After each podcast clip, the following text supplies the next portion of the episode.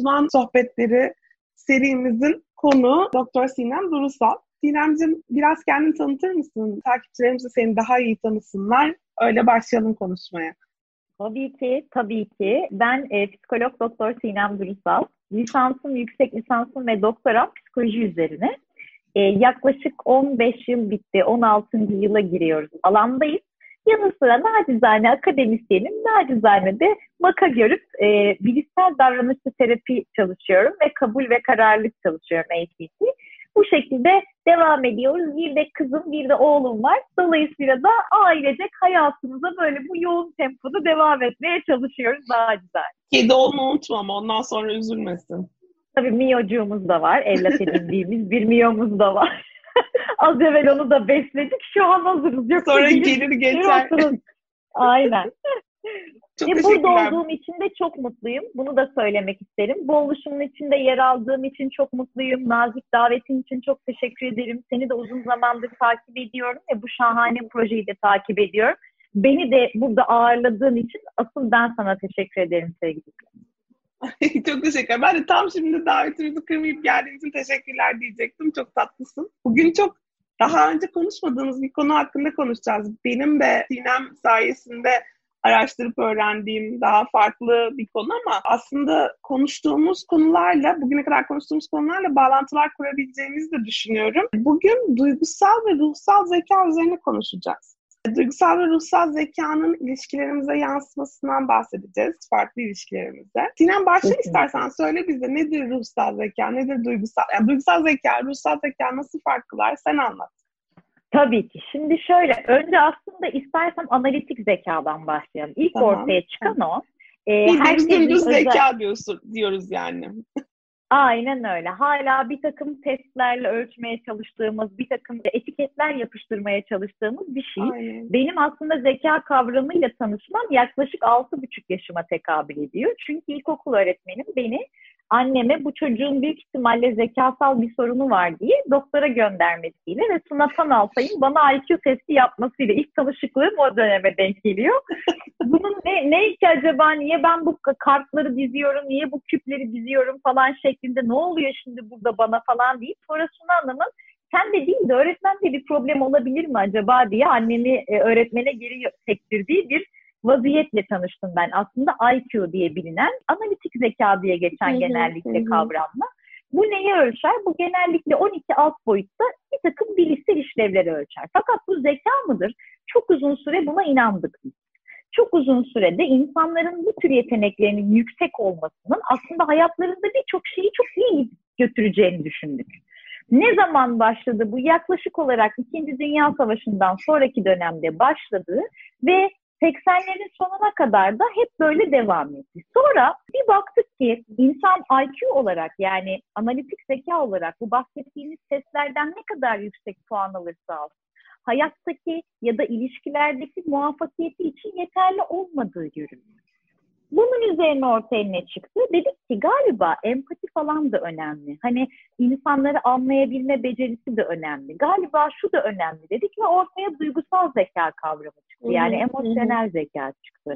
Bunu da en çok kim kullandı? Genellikle iş hayatı kullandı. Yani onlar işe alımlarda bunu biraz daha fazla önemsediler. Buna dair bir sürü kişilik testi geliştirildi. Ne kadar işbirliğine yatkın, ne kadar empatik, ne kadar sorun çözebilir, ne kadar şöyle, ne kadar böyle falan. 2000'lere kadar da iş böyle gitti. Ama 2000'lerden sonra anladık ki dünya IQ ve EQ bir insanın varoluşu için ya da bir insanın yeteneklerini ortaya dökebilmesi için yeterli değil. Bu sefer ortaya SQ dediğimiz spiritüel ya da ruhsal zeka olarak Türkçe'ye çevrilen kavram çıktı. Bu da ne? Bu da şu, çok özetle anlatmam gerekirse, çok akademik lisanı da kaymak istemiyorum. İzleyicileri asla sıkmak ve bunaltmak istemiyorum. Mümkün olduğunca normal bir dille konuşmaya çalışıyorum. Evet, hep öyle yapmaya çalışıyoruz. Evet, insanın normalde yaşam olaylarına dair bir dirayet geliştirmesi beklenir. Biz buna resilience deriz. Aslında sağlamlık ya da psikolojik çatı diye tarif evet, ettiğimiz evet. bir kavramdır bu. Resilience'ın önemi anlaşıldığı için ortaya çıkan bir kavram ruhsal zeka. Yani ne? Bir insanın psikolojik çatısının sağlamlaşması için yaşam deneyimlerinden doğru sonuçlar çıkartabiliyor olmayı öğrenmesi gerek. Her insanın hayatında acı var. Her insanın hayatında yaşam deneyimleri var. Hiç kimsenin acısı diğerinden küçük ya da büyük değil. Çünkü herkesin kendine münhasır bir yaşam deneyimi ve herkesin kendine göre buradan çıkartması gereken sonuçlar var. Sonra nereye geldik? Dedik ki peki bu yaşam deneyimlerinden bazı insanlar daha güçlü, daha iyi ve kendini daha geliştirmiş çıkarken bazı insanlar çok uzun süre bu deneyimin içinde mücadele edip, çaba sarf edip sanki bir bataklık bataklıkmışçasına buradan çıkmaya çalışıp ama çıkamadıklarını görüyoruz. Buradan ortaya çıkan bir kavramdır aslında spiritüel zeka yani ruhsal zeka. Şu demek, özüne ne kadar hakimsin, kendini ne kadar iyi tanıyorsun, insanlara dair öngörülerini ne kadar iyi kullanıyorsun ya da insanları ne kadar iyi algılayabiliyorsun.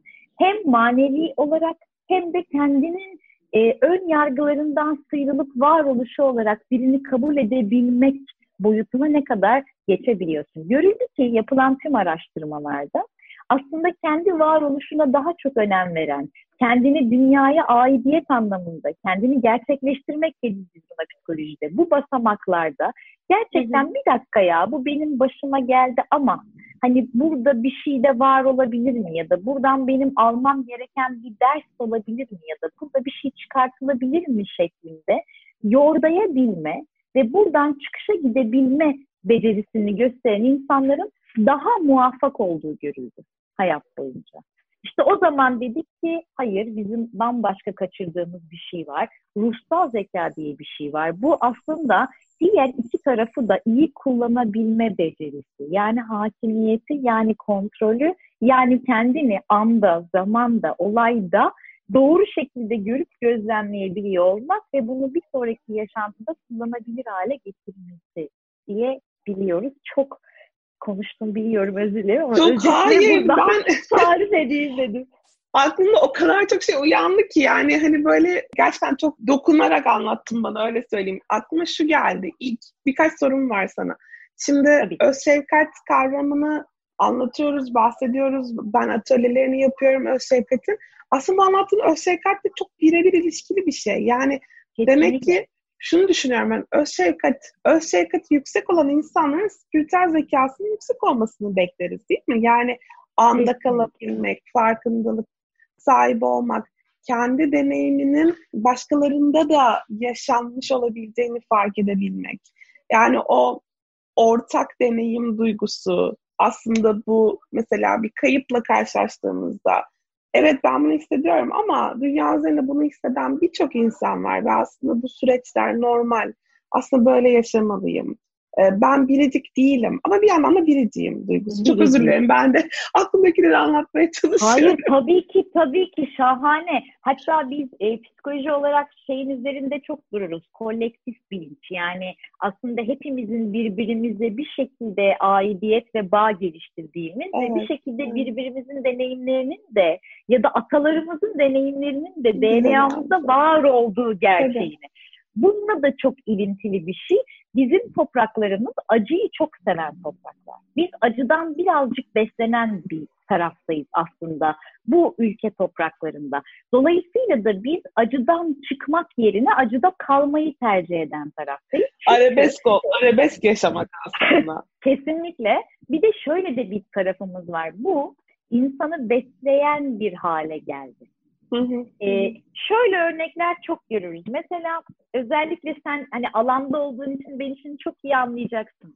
Bir semptom gelir sana. O semptom vakada sekonder bir kazanım sağlamıştır ve bu semptomdan bir türlü vazgeçemez. Acı da böyle bir şey. Yani aslında acının e, etrafından aldığı kazanımları arttırması dolayısıyla kronik hale gelmesi şeklinde bir vaziyet yaşanıyor bizim topraklarımızda. Çok fazla acı çektik doğru.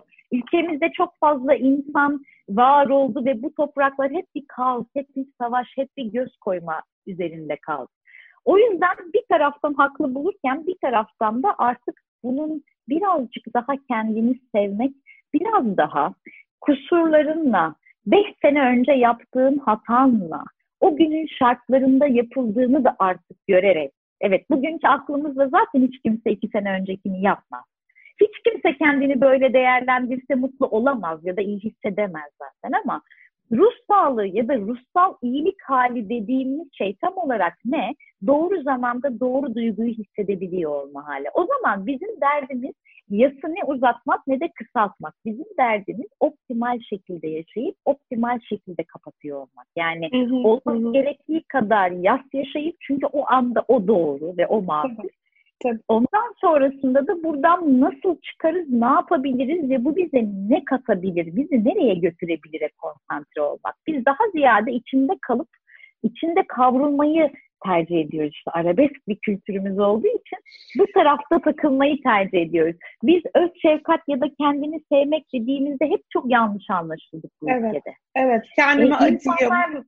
İşte Hı. ya mağdurum ben. Beni yani zavallıyım. İşte bu duyguları da ben yaşıyorum. Ne kadar ya bu bu değil mi? Öz şefkatin hep anlaşıldığı hal bu. Hep böyle başlıyorum ben de. Öz şefkat kendine acımak değildir. Öz şefkat bu değil. Buradan hep maalesef böyle bir bakış açısı var. Buradan kurtulup aslında anlamamız gerekiyor öz şefkati. Kesinlikle yanı sıra da şöyle. Bizim kendimizi sevebiliyor olmamız gerek. Çünkü yine ülkemizin maalesef ki bir handikapı ki bunu ilişkileri konuşurken daha rahat konuşuyor olacağız sanırım. Sevgiyi ya da şefkati başka taraftan bekliyoruz. Kendimize vermediğimiz halde. Kendine vermediğin bir şeyi başka birinin sana veriyor olmasının da çok mümkün olmadığı gerçeği düşünülürse o yüzden önce kendimizi olduğumuz gibi yani düzeltmek ya da kendinde fark ettiğin şeylerin telafisi zaten mümkün bu hayatta. Ama başkasına bu anlamda bağımlı olmak ne kadar doğru ya da ebeveynin seni böyle yetiştirmiş olabilir ya da bu anlamda bağlanma stillerinde bir sorun oluyor olabilir ama bunun düzelmesi ve dönüşümü ve devinimi mümkün çünkü değişmeyen tek şey değişimin kendisi. O yüzden de hani buradan yola çıkarak ne yapabiliriz bu konuyla alakalı ya da bunu hayatımıza nasıl olumlu yansıtabiliriz diye en azından hani hurafik bir takım şeyler yerine doğru bilgiler aktarabilirsek ne mutlu bize. O kadar haklısın ki yani aslında o şefkat, öz şefkat kavramından bahsederken şunu da yaşam. Öz saygı da aynı şekilde. Kendimizi sevmeliyiz. Tamam kendimizi sevmeliyiz ama kendimizi bir taraftan olduğumuz gibi kabul etmeliyiz. Evet. Ama kendimizi olduğumuz gibi kabul etmek aslında şu demek değil. Ben böyle bir insanım. Tamam. Ben böyleyim ya tamam ama değişmem. Fıtratım bu falan değil işte. Aynen bu değil. Yani sen kendini tabii ki hatalarınla birlikte kabul et. Ama bir yandan hatalarının farkına var. Sorumluluk al. Yani ben böyleyim. Şu şu şu sebepten. Tam belki öyle yetiştirildin. Belki başına çok travmatik senin elinde hiç olmayan olaylar geldi. Bir sürü şey yaşıyoruz doğal olarak. Ama bugün geldiğin noktada sen busun. Geçmişinle birlikte busun. Bunu kabul et. Ama tabii ki bunun üzerine kendini severek yani şu anda ben deney, bütün deneyimlerimle bugün buradayım ama bunun üzerine koyabilirim, daha iyiye gidebilirim. Farkındalık kazanırsam bugün yanlış yaptığımı belki yarın daha az yanlış yapabilirim hali. Tabii ki burada sanırım sen de bana katılacaksın. Amaç mükemmelliyet, mükemmellik çabası değil. Amaç mükemmelliğe ulaşmak değil. Çünkü mükemmellik diye bir şey yok aslında değil mi? Bilmiyorum katılıyor musun bana bu konuda ama. Zaten amaç narsistik bir tarafa kişiyi kaydırmak da değil. Yani amaç aman hmm. zaman ben böyleyim canım ben, ben her halimde çok şahaneyim, muhteşemim de değil.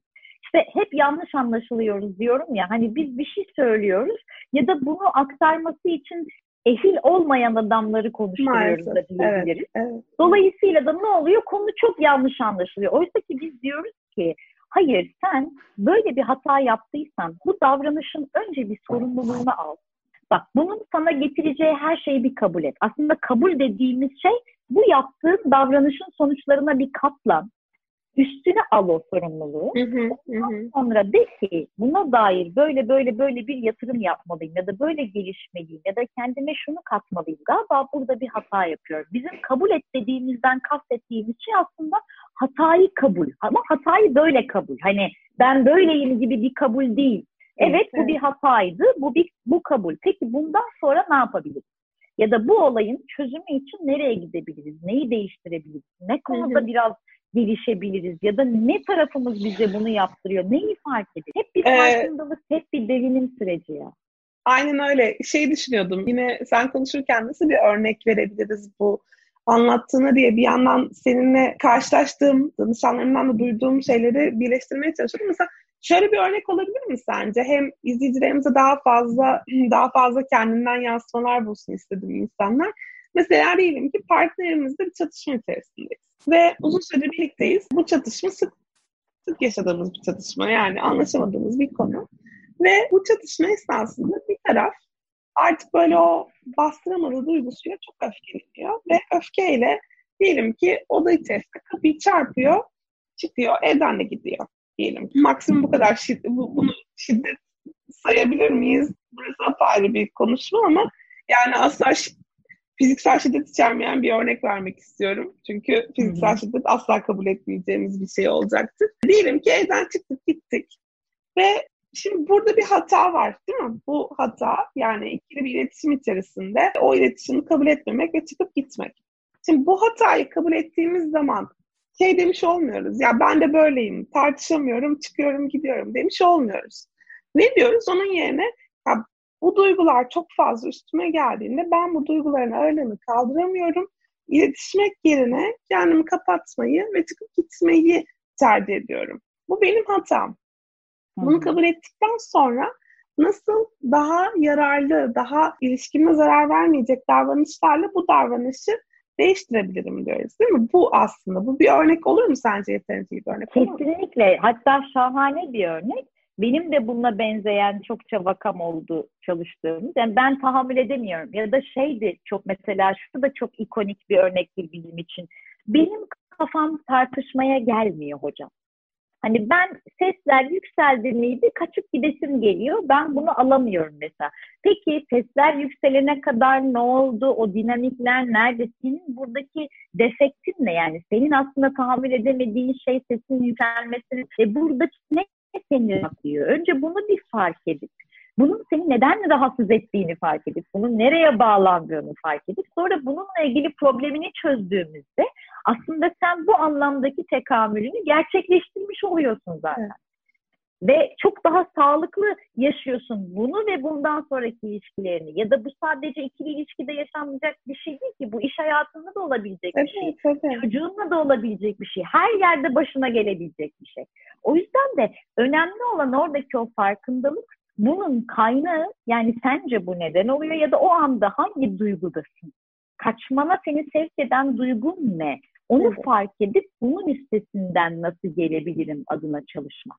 Yani önce kendini kabul et derken bu kısmı kabul et, bu tarafını kabul et ve bunu nasıl çözebileceğine ya da bununla ilgili nasıl bir yol kat edebileceğine odaklan ve bundan sonraki ilişkilerin daha rahat, daha sakin, belki de daha az kaotik gitsin. Hani temel olarak dayandığımız mevzu aslında zaten tam da bu.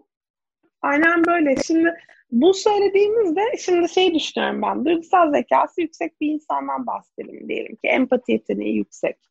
İşte karşı tarafı dinleyen, anlayan. Ama duygusal zekası yüksek bir insan hala o kapıyı çarpıp çekip gidebilir. Kesinlikle. İşte aradaki fark o zaten.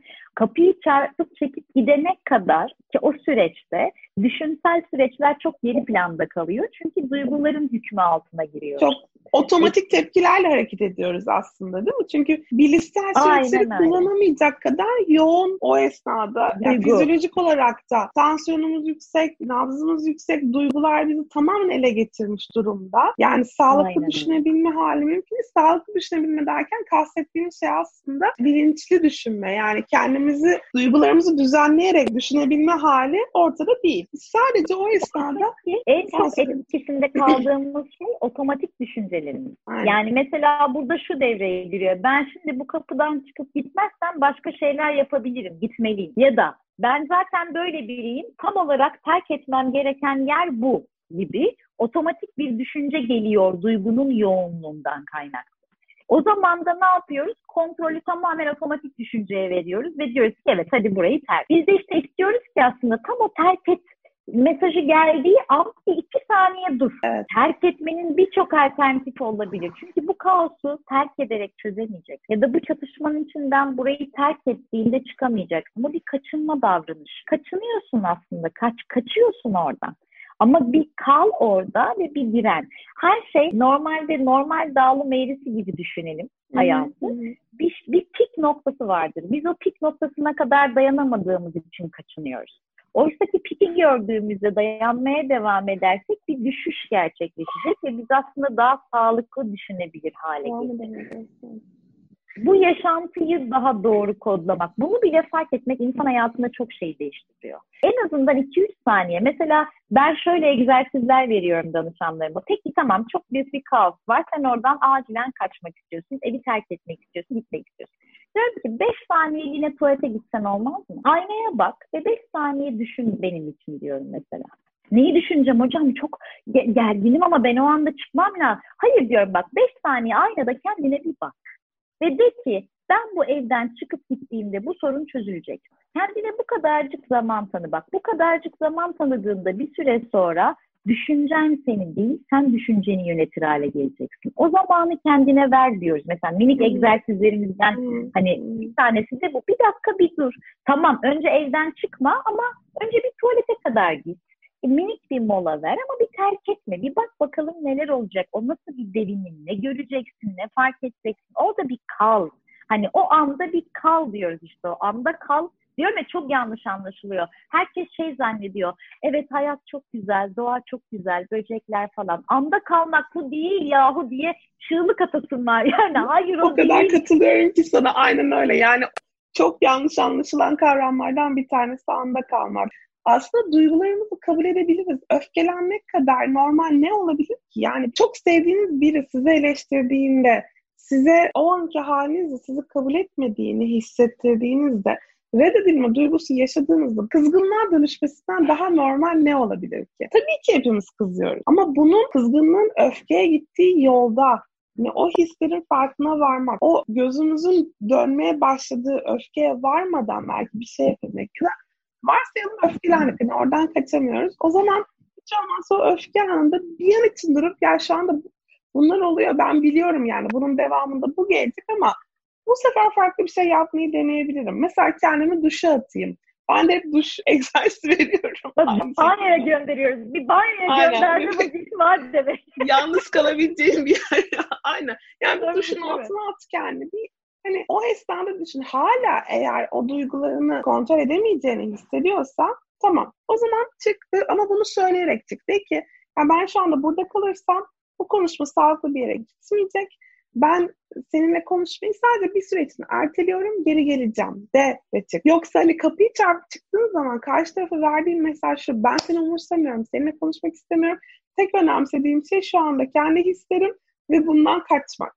Bunu yapmamayı başarabiliriz. Bir de şunu da bunu beş seferin ikisinde başaramayabilirsiniz. Ama üç seferinde başardığınız zaman aslında bu bir zafer. Yani daha önce yapamıyorsanız bu sefer bir kere yaptınız müthiş. İki kere yaptınız daha da güzel. Yani böyle bakmak lazım değil mi? Zaten zihin kıyasla karar veren bir mekanizma maalesef. Yani keşke böyle olmasa. Kesinlikle Ama öyle. iki tane seçenek önümüzde önümüze konduğunda karar verebiliyoruz. Yani şöyle ben sana mesela desem ki bu kalem çok güzel değil mi desem sen buna ben bilemiyorum diyebilirsin ama sana iki tane kalem gösterip hangisi daha güzel desem bundan birini seçme şansın daha yüksek. Böyle daha şey anlatalım. Şimdi dolayısıyla da aslında bu süreçlerde böyle. Biz kıyasla düşünebilen bir varlık olduğumuzdan dolayı da hep kendimizi daha ziyade başarısız algılama eğilimine gidiyoruz. Neden? Çünkü şöyle zannediliyor. Hayır beş kere denediysem beşinde de başaracağım. Hayır birinde başarsam bile birinde başarmış olacaksın. Bak bu başka Aynen bir şey. Birinde başardın bu bir başarı. Ama hayır dördünde başaramadım ve ben bu işi beceremiyorum. Değil. Hiçbirimiz birinde, ikisinde, üçünde, beşinde değiliz zaten burada. Bunu bir kere bile yapıyor olsan, o an içerisinde bir kere bile kalıp bir dakika şimdi ne hissediyorum ben? Öfkeliyim, çok öfkeliyim. Peki tamam. Şu anda burayı çok hızlıca terk etmek istiyorum. Çünkü buna daha fazla maruz kalmak istemiyorum. Tamam. En azından dönüp ona ben gidiyorum ama geleceğim. Şimdi biraz sakinleşmeye ihtiyacım var desem ne kaybederim? Ya da bu bir savaş mı? Olsun. İşte bu kadarı bile bizim için çok büyük bir başarıyken herkes şöyle zannediyor. Böyle yapacağız ve hop bir anda bambaşka huşu eda içinde bir insan olacağız. Hayır. Hepimiz için var ve duygular yaşanabildiğinde, hissedebildiğinde daha kıymetli. Özellikle de fark edebildiğinde daha kıymetli. Zannediyor musunuz ki biz alanda yani ruh sağlığı profesyoneliyiz ama biz hiç mi sinirlenmiyoruz? Yani böyle bir şey Hepsi, olabilir mi? Buna o kadar Şimdi tam ona gelecektim sana. Sinem'in de 4 yaşında bir kızı var. Benim de 3 yaşında bir kızım var. Ee, şimdi buradan seni zor, sana zor yerlerden soru sordum ama merak etme kendim de söyleyerek soracağım. Şimdi anlatıyoruz insanlara. Çocuklarımızla yaklaşım işte bağlanma kuramı, insan hani hep şefkat verelim, ilgi gösterelim, sevgi verelim. Peki hiç kızına bağırmıyor musun Sinem? Böyle bir şey mümkün mü? Yani ben bugüne kadar hiç Şöyle, yapmadım. Diyebilir misin? Yok diyemem. Neden diyemem biliyor musun? Annelik içgüdüsüyle uzmanlık bambaşka bir şey. Şimdi ne kadar Kesinlikle. doğruyu bil, öyle bir an yaşanıyor ki mesela benim kızım iki elini birden böyle fırının ortasına cos diye bastı ve iki el birden yandı. Şimdi arkadan sadece davranışçı göre ada yapma diye bağırdım ama artık yapmış olmuş oldu. Şimdi bir, yani bir örnek bu. Ya da bir çocuğa güvenlik algısını vermek için arada sesini yükseltip bir farkındalık geliştirmen gerekir. Yani çocukta. Hani bunun evet. tehlikeli olduğunu ona bir şekilde rutin ses tonunun dışında bir ses tonuyla aktarman aynen, gerekir. Aynen.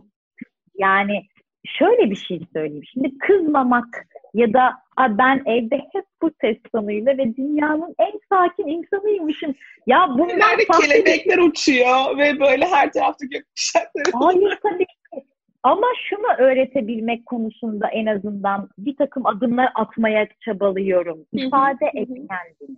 Sen de ifade evet. eti aktarmaya çalışıyorum. Evet belki daha farklı yapabildiğimiz nacizane bu olabilir. Ya da insanlara aktarmaya çalıştınız ama yani ada yavrum dur çocuğum ya bu ağzından çıkmayan bir anne varsa ben başta bana göster ben tapınayım yani böyle bir şey olamaz ki yani bu böyle bir yani, level yok ki ya.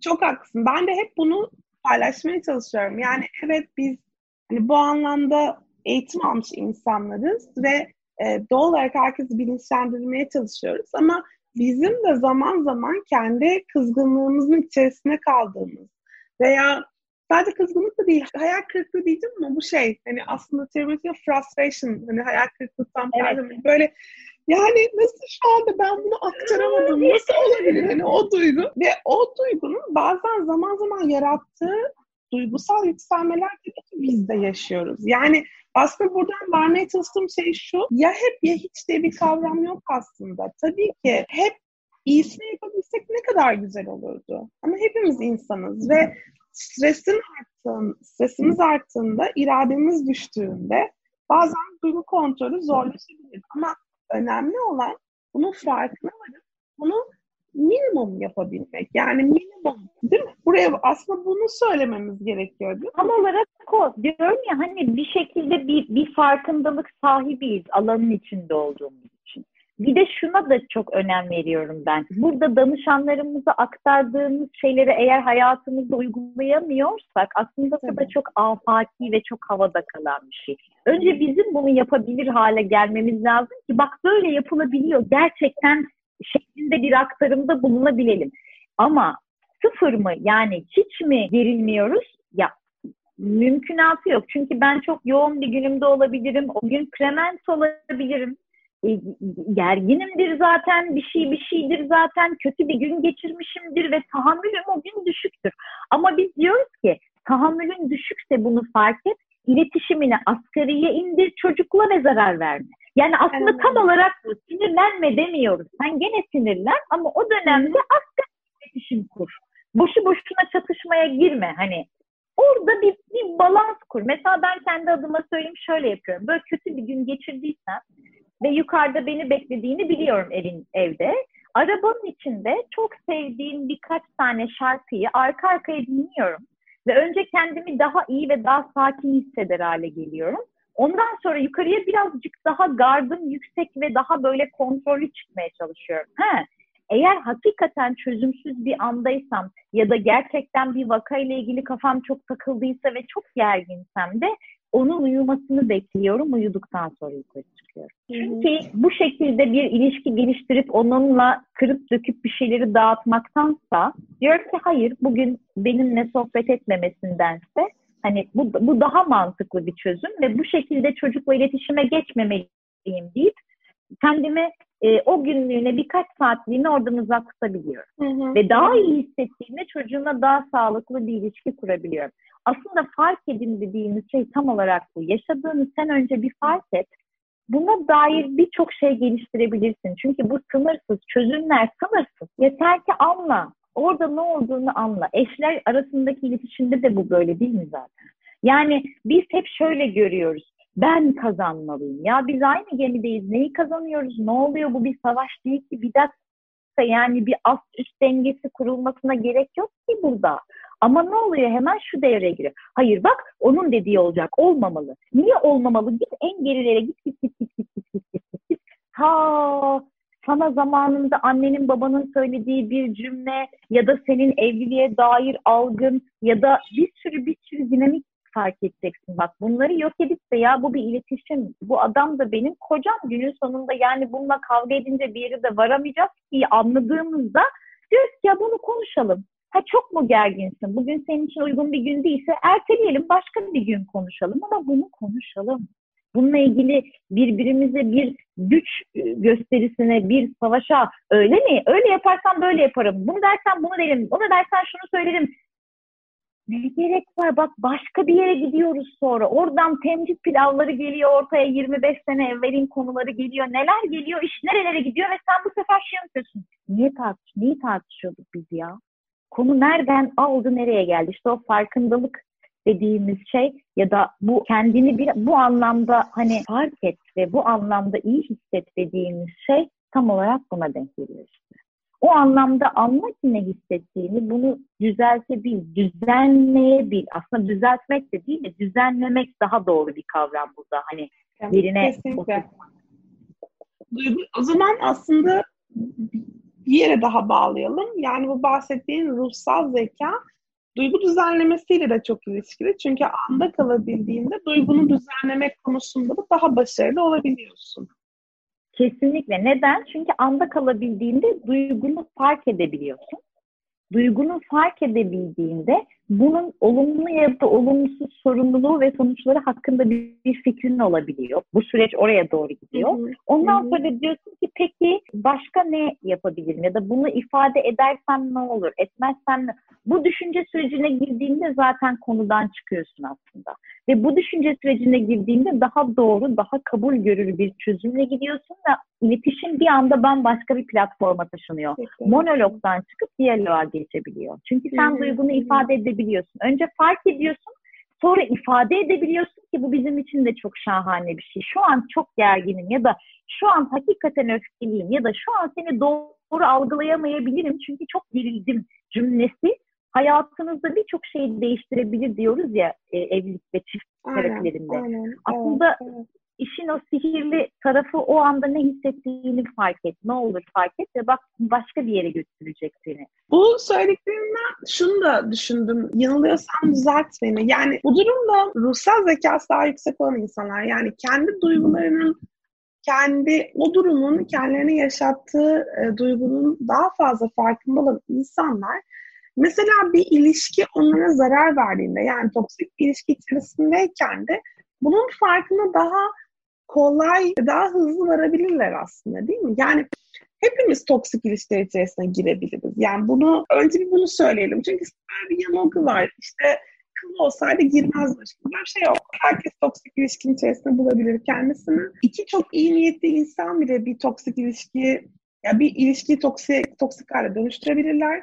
Bazen de yani kişi iyi niyeti değildir ama sizin gözünüz öyle bir boyar ki siz o ilişkinin girersiniz farkına bile varmazsınız. O yüzden aslında çok da elinizde değildir o ilişkinin içerisine girmek. Ama bu, bu ön girizgiye yaptıktan sonra çünkü özellikle kadına şiddet konularında bu beni deli ediyor yani nasıl bu kadar kolay böyle cümleler kurabiliyor insanlar diye. Çok özür dilerim bitirdim e, söylenmemi konuya geri döneceğim. Şimdi toksik ilişki içerisindeyken eğer biz kendimize dair farkındalığımız yüksekse o zaman ya bu ilişki bana zarar veriyor. Ben kendimi bu ilişkide gerçekleştiremiyorum. Ben bir şey hissettiğimde bunu baskılamak zorunda kalıyorum. Kendi ihtiyaçlarımı öne koyamıyorum gibi şeyleri fark etmemiz daha kolay olabilir değil mi? Tabii ki.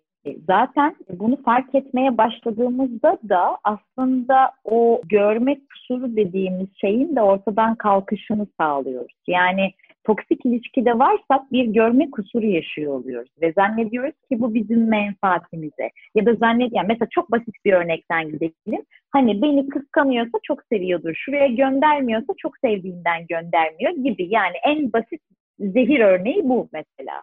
Hayır yani seni çok sevdiği için ya da seni kıskandığı için olmayabilir bu. Kendiyle alakalı bir sorun yaşadığı için ya da kendini güvende algılamadığı için yapıyor olduğu bir harekettir. Buyu fark Hı-hı. ederseniz bunun sizin hayatınıza, işinize, sosyal çevrenize birçok şeye zarar verdiğini aslında bir zehir bulaştırdığını da fark edersiniz. Ve o zaman düşünmeye başlarsınız. Dersiniz ki ben böyle bir varoluşun içinde kendim olmadan mı hayatıma devam etmeliyim?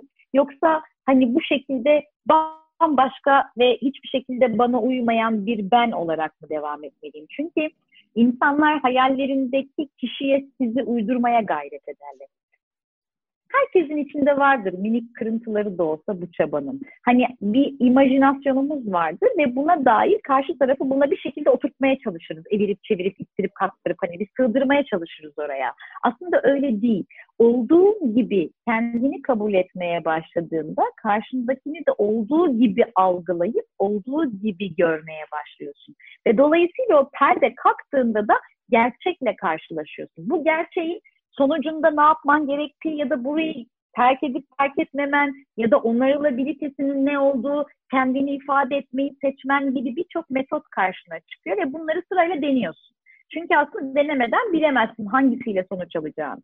Deniyorsun ve ona göre bir nihai tabloya varıyorsun ve bir nihai karara varıyorsun. Evet mi hayır mı tamam mı devam mı? Hani ben devam edersem ne olacak, ayrılırsam ne olacak? Ama şöyle danışanlar da geliyor bana mesela. Hocam ben ne yazmam gerektiğini bilmiyorum. Allah sen siz bir şu mesajı hani ben senin yerine o mesajı yazarsam o ben değil ben sen değilsin ki diyorum mesela. Bunu benim yazmam dünyanın en saçma şeyi biliyorsun. Bizim ülkemizde psikolog algısı da henüz tam oturmadı. Yani zannediyorlar ki onlar yerine düşünen bir üst akıl olalım biz. Onların biz, bizim dediğimiz her şeyi yaparlarsa şahane olacak gibi bir algı var. Bu beklentiyle geliyor insanlar. Şimdi o yüzden de hayır bu bu değil bak. Sen önce bir kendini fark et. Ondan sonra oraya ne yazman gerektiğini sen daha doğru şekilde karar vereceksin tabii, zaten. Tabii. Ben sana fark etmende yardımcı olacağım. O mesajı atarsan bu olmayacak diyorum mesela. O gerçekten çok üzücü bir beklenti. Zaman zaman benim de karşıma çıkan. E, ben ne yapmalıyım bu konuda? Yani senin ne yapman gerektiğini ben söyleyemem. Senin burada kendi hislerinin o kişinin sende yarattığı tepkilerin farkına vardığın zaman zaten ne yapman gerektiğini sen kendin bulacaksın. Yani ben sana zaten bir ben bunu bilemem. Benim böyle bir gücüm yok. Böyle bir yargı hakkım yok. Ben sadece senin içgörü kazanmana yardımcı olabilirim. Daha fazla yapamam. Göremediğim bağlantıları kurdurabilirim sana. Ama daha ötesine geçemem. Çünkü o, o benim gücüm olan bir şey değil. O yüzden aslında mesela aslında sadece Türkiye'de olmuyor bu dünyada da işte o ilişki koçları, ilişki danışmanları sanırım burada işte işi kötüye kullanmaları burada oluyor. Çünkü onlar ne yapman gerektiğini söylüyorlar değil mi sana? O mesajı şimdi atma mesajında şöyle bu değildir ama bu bunu zaten size yapan birinden koşarak uzaklaşın. Çünkü kimse kimsenin ilişkisi hakkında böyle bir yorum yapmaz. Yapamamalı zaten. Ya o kadar çok bu anlamda şeyle savaşıyoruz ki sen de giriyorsun ve işin içindesin ve sen de bu çatışma ve savaştasın. Şimdi gelip şey diyen oluyor mesela. Ama biz kocamla burada oturalım. Evet. E siz hakem olun. Evet. Hangimiz haklıyız karar verin. Diyorum ki benim vazifem bu değil. Bakın bir katalizör olabilirim. Yani şöyle sizin anlatmaya çalıştığınız şeyi daha doğru cümlelerle karşı tarafa anlatıp ilişkinizin daha doğru cümleler kurmaya yönelik modeli olarak size bir süre eşlik edebilirim. Ama kalkıp da hanginizin haklı ya da haksız olduğuna karar verecek merci ben değilim. Haddim de değil. Ben böyle bir şey değilim. Mesela sadece sizi etkin ve objektif dinlediğim için, duygularımdan bağımsız dinlediğim için ne demek istediğinizi eşinize nazaran daha iyi anlıyorum ve onu aktarabiliyorum. Bu aslında ama işte bu koçlar her türlü koç, koçların tamamı hani bu işi yaptıydı. Aşk koçu, yaşam koçu, aşk psikoloğu gördüm ben. Yani hani aşk, ne, ne iş yapıyorsunuz diye çok merak edip sordum hanımefendiye. Aşk konusunda danışmanlık veriyorum dedi. Peki dedim evli misiniz? Hayır dedi. Hiç ilişki yaşadınız mı dedim. Mesela nasıldır ilişkileriniz falan. Bir yerde karşılaştık kızcağızla. İlişkileriniz nasıldır falan dedim. Ay hocam vallahi sormayın yani bugüne kadar çok da şeye gitmedi ama çok tecrübem oldu. Hani tecrübelerini Peki. mi aktarıyorsun aşkla alakalı? Yani bu nasıl bir algı? Hani hani ha, biz diyoruz ki herkes biricik, herkes bireysel yaşar, herkesin acısı kendinedir, herkes kendinin yani şahsına münasırdır diyoruz. O geçmiş deneyimlerinden insanlara aşk konusunda akıl fikir vereceğini hipotezi üzerinde duruyor. İşte bunlar hurafe, böyle bir şey yok. Biz insanlara kendi varoluşlarını fark ettirmeye çalışıyoruz. Kendi yaşamlarının farkına varmalarını sağlamaya çalışıyoruz. Reel tabana inmelerini sağlamaya çalışıyoruz. Kafalarındaki bir takım çok evvelden oluşmuş şemaların, yanlış ya da hatalı şemaların değiştirilmesi ya da bunun düzenlenmesine çalışıyoruz. Biz böyle bir iş yapıyoruz diyoruz. Kimse bizi takmıyor. Gerçi neyse çok şükür daha iyi bir farkındalık yaratabiliyoruz daha, bu Daha yüksek diye. artık değil mi? Evet evet bu aralar ben de tam şeyi soracaktım. O aşk psikoloğu dediğin kızcağız psikoloji mezunu muydu bari diye soracaktım ama. Yok vallahi de değil ama şöyle yüksek lisans yapmış galiba. Uygulamalı psikoloji yüksek lisansı var ve kendine uzman psikolog diyor. Şimdi evet. tekrar istersen söyleyelim. Psikoloji lisansı olmayanlar psikolog değildir arkadaşlar. O yüzden burada lütfen dikkatli olun. Lisansınız Şöyle bir şey olabilir sadece. Lisansınız psikoloji değilse eğer yüksek lisansınızı ve doktoranızı psikoloji üzerine yaparsanız da bu titri kullanabilirsiniz. Ama doktora dediğimiz süreci geçirmeden psikolog olmak ihtimaliniz yok. E, dünyada böyle bir şey yok. Önce lisans eğitimi alırsınız, alana bir giriş yaparsınız. Bu bir giriştir. Sonra uzmanlaşırsınız hangi alanda çalışacaksınız? Klinik mi, gelişim mi, sosyal psikoloji neyse onu seçersiniz ve sonra da doktor alanırsınız. Hala kendime psikoterapist derken imtina etmeye çalışıyorum. Çünkü ben psikoterapist olmaya çalışmaya devam ediyorum hala. Yani bu bu kadar kolay bir şey değil. Bu kadar kolay insan ruhuna ya da insan hayatına bu kadar manipüle etmeniz mümkün değil, gerçekçi değil ve çok büyük bir hata bu. Dönüş olmayan sonuçları olacak bir hata bu.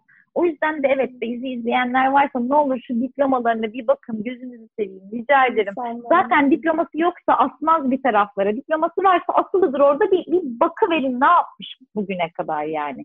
Kime teslim ediyorsunuz kendinizi bir bakın. Yani bu gerçekten nasıl bir fiziksel bir hastalığınız olduğuna nasıl bu konuda uzman bir doktora gidiyorsunuz. Bu konuda da gerçekten işinin ehli diplomalı insanlara gidin. Bunu artık defalarca söylüyoruz ama söyleyelim mutlaka bir kere daha. Peki Sinem'cim sana son bir sorum var. Bu soruda aslında cevap verdik şu ana kadar bence adlarda ama yine de bir böyle direkt sorayım. Senden de o direkt cevabı alayım. Ruhsal zeka nasıl geliştirilir? Ruhsal zeka nasıl geliştirilir? Birincisi farkındalık çalışmalarıyla. Önce şunu söyleyelim. Ruhsal zeka en çok gelişebilen zeka türü zihinsel ya da bilişsel işlevlerinizi belli bir basamağa kadar geliştirebilmeniz mümkün.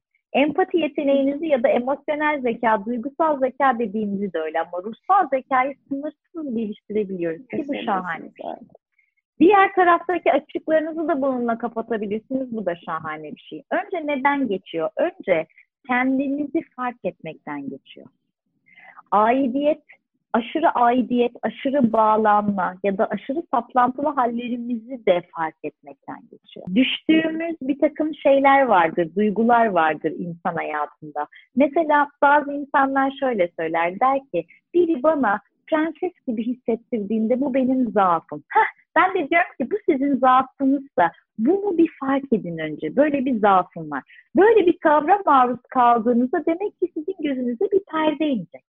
İşte o perdeyi hafifçecik aralamaya başlayıp gerçeğe de bir arada bir bakın ki bu manipülatif davranışın altından nasıl kalkabilirsiniz? Olası çözümleri de görmeye başlayın. Önce farkındalık çalışmalarıyla geliştirebilirsiniz. Ben bugüne kadar ne yaptım? Ben kimim? Bakın şöyle bir örnek yaşadım. İzleyicilere bunu aktaralım ya da dinleyicilerimize. Bir tane danışanım geldi. Asistan içeri girdi ve dedi ki bir şey içmek ister misiniz? Hanımefendi şey dedi, kahve alırım dedi. Nasıl alırsınız dedi. Kadın durdu şey dedi, bilmiyorum. Nasıl yani dedi e, bizim e, asistan. O da dedi ki yani ben bugüne kadar herkes nasıl içerse öyle kahve içmişim herhalde. Nasıl sevdiğini bilmiyorum. İşte bu kadar uyumlanmak ve bu kadar kendimizi kaçırmaktayız aslında hayatta da. Bu çok basit bir örnek belki bir ışık olur çok onlara. Sonra biz bunu konuştuk mesela. Dedim ki hakikaten en çok hangisinden hoşlanırsınız? Hangi tür kahveden? Bilmiyorum. Hep düşünmedim hiç bunun üzerine dedi. Dedim ki biraz düşünün. Çünkü bu sizsiniz. Sizin algınız bu, sizin zevkiniz bu. Önce bunu tanıyın ki kim olduğunuzu fark edin. Herkese her şekilde entegre olmak durumunda değilsiniz. Evet, sosyal varlıklarız. Evet, saygı çerçevesinde hayatımıza devam edeceğiz. Görüşlere açık oluyor olacağız. Evet, doğru. Fakat ama biz kimiz peki? Biz ne severiz, ne sevmeyiz? Nasıl geldik bugüne kadar? Bizi nasıl biz yapan deneyimler neler? Onlarla da bir barışalım deyip ikinci etaba geçiyoruz. Bu da aslında geçmişimizle doğru yüzleşip sayfaları kapatabiliyor Çünkü geçmiş tarafta çok yaşıyorsak daha depresi hale gelebiliyoruz. Oradakileri artık çözme şansımız yok. Olan oldu. Araba sadece dikiz aynadan geriye bakarak kullanılmaz. Arada bir önüne de bakman gerekir. Ha, çok önüne bakarsan da anksiyetik olursun bu sefer. Çok gelecek kaygısına düşersen de kaygı bozukluğu yaşarsın. Diyor ki bak o yüzden optimalde kal. Bazen geriye bak, o derslere bir bak, ne olduğuna bir bak, onu fark et. Sonrasında ilerisiyle alakalı ufacık da olsa yordamalarda bulunabil. İşte ruhsal zekadaki ikinci etapta bu. Yani aslında önce tanı, önce fark et, ondan sonra buna nereden ne ekleyebilirim ne gel. Sonra da kendine yeni bir bütünsellik ve yeni bir farkındalık boyutu oluştur. Ve diyoruz ki o anda dur, düşün, ondan sonra dene. Sonra yeniden düşün, yeniden dene. Yeniden düşün, yeniden dene. Hani başaramayacağım ya da başaramadım gibi bir şey değil bu. Bu bir yolculuk ve hiç bitmeyecek bir yolculuk. Gelişim hiç bitmeyen bir şey. O yüzden de bu yolda birazcık daha sağlıklı, biraz daha kendini bilerek, kendini fark ederek, o deneyimlerini içselleştirerek ve de bunların sonuçlarını üstüne alarak evet böyle bir hata yaptım, bunun tüm sonuçlarına katlandım ve şimdi başka bir sayfa açacağım deme cesaretini göstererek ise üçüncü boyuta geçiyoruz. Düştüğümüzde ayağa kalkabilme becerisi yani yeniden başlayabilme becerisi. Böylece aslında çok daha çok daha çok daha farklı ve çok daha gerçekten ruhsal olarak sağlıklı bireyler haline gelebiliyoruz diyebiliriz özetle güzel. Ağzına sağlık Sinem. Gerçekten yani nefes almadan dinledim anlattıklarını. Çok teşekkür ederim. Çok çok keyifli de bir sohbet oldu benim için. Bence çok da yararlı oldu. Ben kendi adıma da çok şey öğrendim. Ne kadar çok kavramın aslında iç içe ve birbiriyle ilişkili olduğunu da aslında fark etmiş oldu. Umarım izleyenlerimizin, dinleyenlerimizin de hoşuna gitmiştir. Bence biz seninle bir daha buluşup bir daha bir sohbet ederiz. Ne zaman istersen seve Devamını getiririz gibi hissediyorum. Seve seve. Tabii ki seve seve. Hani bununla ilgili soruları varsa bize iletsinler. Akıllarına takılan Lütfen. bir şey varsa iletsinler. Onlardan başka bir podcast kaydı daha oluşturup o çerçevede de konuşuruz. Ben asıl teşekkür ederim. Beni ağırladığın için ve bana bu şansı verdiğin için. Yeniden ne zaman istersen diyorum ya sonuna kadar kabul ne, ne zaman istersen yeniden görüşmek dileğiyle İçinizdeki çocuk yakanızdan hiç düşmesin umarım. Çünkü o çocuk sizi her zaman doğru yönlendiren tarafa çeker. O çocuk objektiftir, o çocuk biraz daha farkındadır ve o çocuk anda kalmayı doğru şekilde biliyordur diyoruz. Ve şunu söylüyorum, bir çocuk oyun oynarken ne kadar keyif alıyor, oraya ne kadar dalıyor ve onu ne kadar yaşıyor değil mi diyoruz bütün duygularıyla. Mesela bir evcilik oynarken ya da bir tamircilik oynarken bile işte o yüzden anda kalabiliyor, o yüzden tadını çıkartabiliyor ve o yüzden yaşam enerjisi hep çok yüksek. Her sabah kalktığında aynı enerjiyle güne başlayıp aynı şeyleri yeniden yapabiliyor diyoruz. O yüzden çok sevgili izleyicilerimizin de içindeki çocuk yakasından hiç düşmesin umarım. Kendinize çok iyi bakın. Çok teşekkür ederim. Benim için de çok keyifli bir yayındı. Ne mutlu bana ki buradayım, seninleyim diyorum ya. İnşallah yeniden yaparız en yakın zamanda.